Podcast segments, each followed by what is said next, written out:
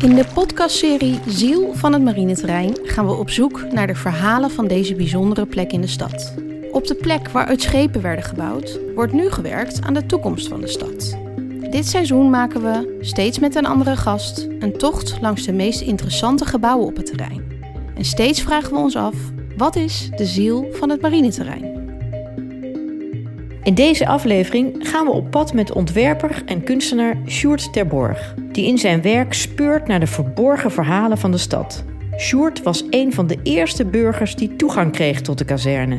Samen met hem ontrafelen we de verhalen van de voormalige verbindingsschool, de plek waar jonge recruten werden gedrild in morsetaal, telegrafie en coderen. Sjoerd, 2014, neem ons even mee hoe dat was. Want jij was ongeveer de eerste die hier eerste burger die hier op dit terrein kwam. Ja, dat klopt. Het, uh, het was een vreemde tijd, een vreemde plek, omdat je kwam binnen en je kwam bij die poort die je daar ziet uh, binnen en je moest je paspoort laten zien. Dat controleren namen ze ook best wel serieus. Het was niet, niet dat ze het in één seconde teruggaven, maar daar was je soms een paar minuten mee kwijt en kon er alleen op afspraak komen. En vervolgens kwam je op het terrein en dat was natuurlijk raar omdat je sowieso personeel in uniform uh, zag rondlopen. Maar ook vanwege de vele bordjes met regels die er waren. Niet op het gras, niet, niet roken en de camera's die overal stonden opgesteld die je volgde eigenlijk terwijl je liep. Uh, het is echt zo'n defensieterrein dus. Echt wel een Big Brother is watching you. Ja, het was wel duidelijk dat je niet, niet zomaar in een normaal stukje Amsterdam was. En hier is de verbindingsschool. En jij mhm. bent op zoek eigenlijk, of dat is jouw kunstenaarschap ook, naar, naar bijzondere verhalen uit de stad. Ja. Had je al meteen verhalen te pakken? Nou, kijk, ik, ik wist natuurlijk wel dat er heel veel verhalen uh, verborgen lagen, zowel door de geschiedenis van het terrein uh, die eeuwen teruggaat als, als de meer recente geschiedenis uh, die, ja, die zich hier hebben afgespeeld. Maar ik was ook weer niet geïnteresseerd als om als een soort historicus dat allemaal op te rakelen. Dat, dat kunnen andere mensen doen. Maar het leek mij interessant om vijf schrijvers te vragen die ja, eigenlijk ook op het terrein kwamen en daarvan leerden. En vervolgens vanuit fictie weer een nieuw verhaal maakten over het terrein. Eigenlijk om dat terrein te vatten en ja, op een andere manier over te vertellen en andere waarden eigenlijk te registreren. Ja, dat heeft geleid tot een heel mooi boekje. Dat heet Het Land Binnen de Muren. Verhalen uit het marineterrein. Onder andere Ninja Weijers en Allard Schreuder en Gustav Peek hebben die verhalen verteld. Dus het was eigenlijk jouw idee en je hebt mensen aan elkaar verbonden. En die vormden weer verhalen. Ja. En zo, zo werk je dan. Ja, dat klopt.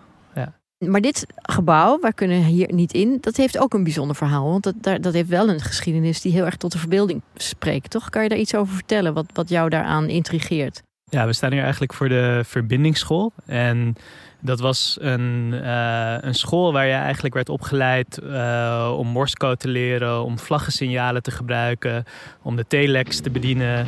Licht en lucht hebben vrij spel in de verbindingsschool van de Koninklijke Marine.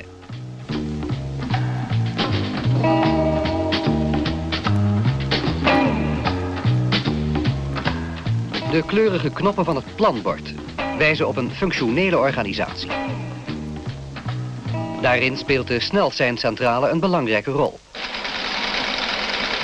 Vanuit dit punt zenden vele fondsbanden signalen naar afzonderlijke cursisten of groepen cursisten.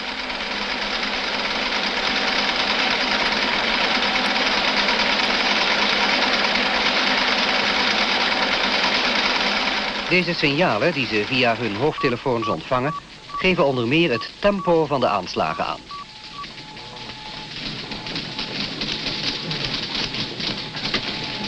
Dat tempo ligt aanvankelijk nog laag, maar naarmate de geoefendheid toeneemt, wordt de seinsnelheid opgevoerd. Ja, dus je zag eigenlijk met een groep van, uh, ja, wat zegt 20 tot 50 jongens uh, uh, die samen al die morsecodes zaten te leren. Dat deden ze bijvoorbeeld door op een tafel te tikken met een stok of letterlijk op een veld te staan en te kijken naar het seinhuisje hierboven om dan lichtsignalen te herkennen. En, en dat was eigenlijk een soort groepsonderwijs en dat deden ze dan gewoon heel ouderwets, werd het er werd het erin geramd, niet letterlijk, maar... Oh, echt, echt ingeramd, hè? Nou ja, omdat ze zo stok gebruikten, dat zie je echt zo voor je... Werd, ja, Maar dat werd ging- er bijna ingeramd. Ja, want dat, dat was natuurlijk heel erg belangrijk. Seinen en, en morsen. Omdat als je op een schip zat midden op zee... dan moest je natuurlijk van alles aan elkaar communiceren. Dus dat was een, eh, daar denk je helemaal niet bij na, toch? Nee, je denkt er niet bij na, maar het was inderdaad, eh, je ziet ook door de, de massaliteit, zeg maar, die, die grote groepen, dat het gewoon een heel belangrijk beroep was. En dat er, dat er veel mensen voor nodig waren. En de, de kwaliteit van het filmpje ook, hè, want dat, dat filmpje waar we het over hebben, dat heet Make a Signal. Het is echt een voorlichtingsfilmpje om die mensen te trekken, om dat, dat werk te Om overwegen. die opleiding te gaan doen. Ja, hè? en, en je ziet het ook. Het is heel mooi gemonteerd. Er zit goede muziek onder. En het ziet er heel aantrekkelijk uit. Je hebt zelfs een paar eh, mooie dames die in een, in een soort vlaggen, zijn vlaggenkostuum Mini-jurkjes, eh, ja, optreden. dus het is heel populair voor die tijd eigenlijk gemaakt. En Ja, dat was ik- een wervingscampagne. Ja, in de jaren zestig, ja. Bij telegraferen draait alles om het ritme. Ritme is een aparte taal die iedereen aanspreekt.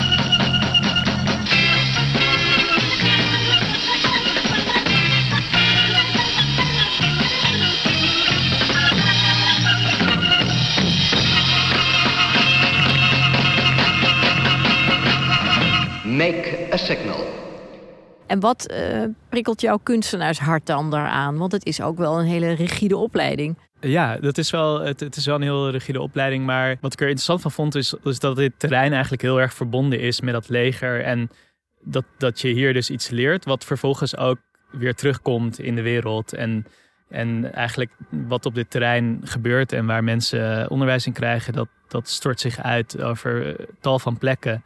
Wat ik interessant vond om te doen met het project, want uiteindelijk deed ik dit onderzoek ook voor een nieuw project over voor het Light Festival, Amsterdam Light Festival.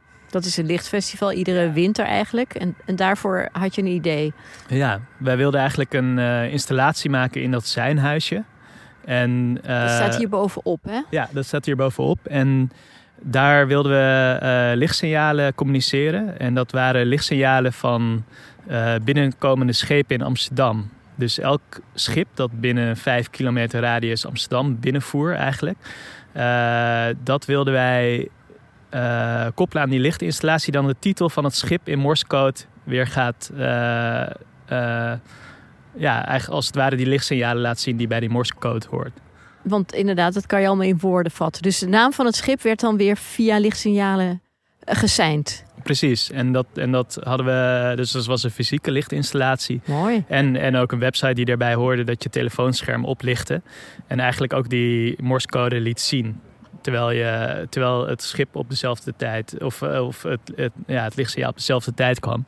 En waarom ik schip zei, is dat om uiteindelijk, helaas kregen we toestemming van het leger om, om ja, dit project hier in het zijnhuis te doen. Dus uiteindelijk hebben we een soort lichtschip, een soort vuurtorenboot, hebben we hier naarheen gehaald. En eh, vanuit daaraan die eh, lichtsignalen gestuurd. Dus je had een heel mooi project bedacht vanuit dat zijnhuisje. Maar het mocht niet, het ging niet door. Dat klopt. Ja, het, Waarom het- niet? Ik denk dat ehm, het was die tijd nog dat, dat het, het, het leger, de strijdkrachten, eigenlijk heel veel moeite mee hadden dat ze dit terrein mogelijk helemaal zouden gaan verlaten.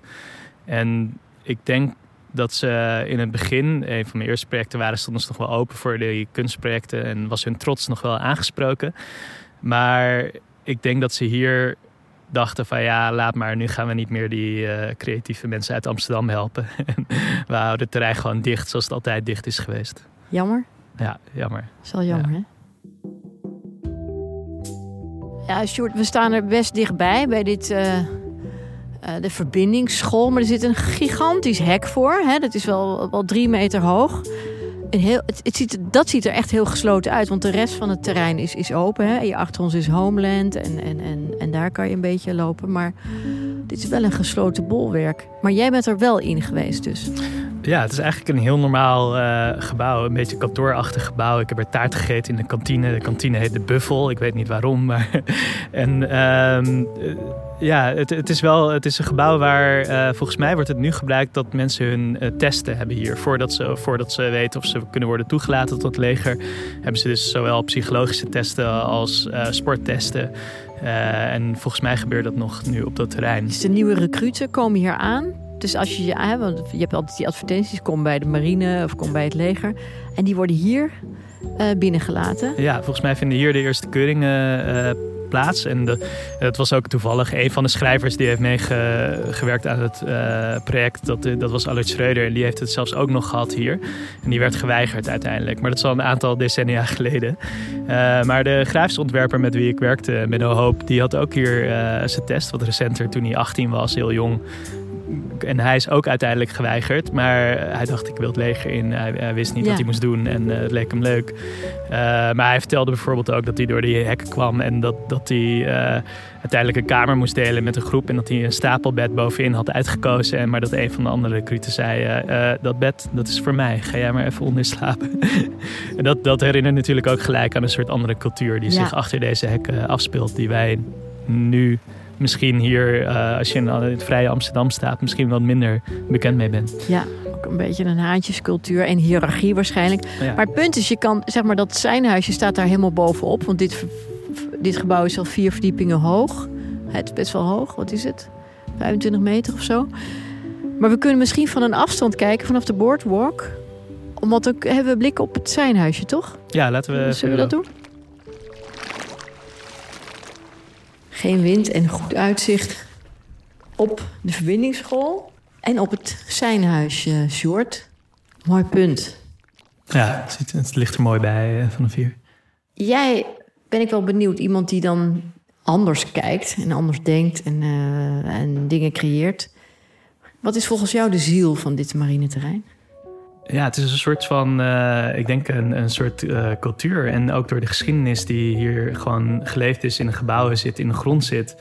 En ik vond het eigenlijk wel grappig dat een van de schrijvers, die, die beschreef dat ook heel erg in, uh, in haar verhaal.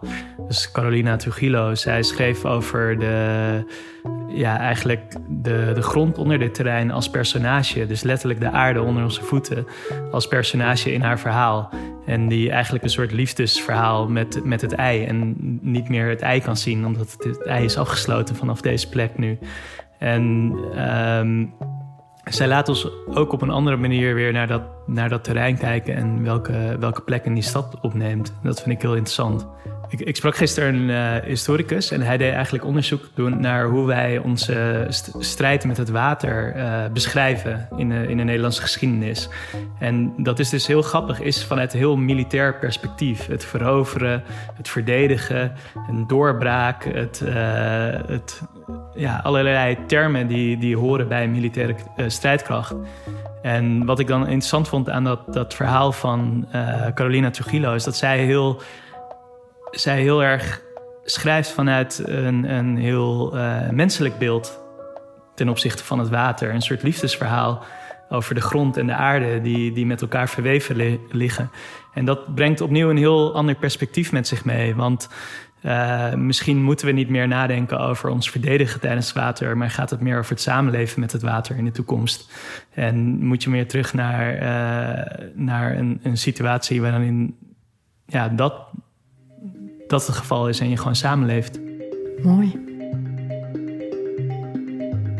Dit verhaal maakt deel uit van een serie podcasts over de meest bijzondere gebouwen van het marineterrein. Deze serie is in opdracht van Bureau Marineterrein, gemaakt door Andrea van Pol, Susanne Bartholomeus en Jacqueline Verheugen. De montage is verzorgd door Woozy Agency. Wil je meer verhalen horen? Ga dan naar marineterrein.nl/ziel.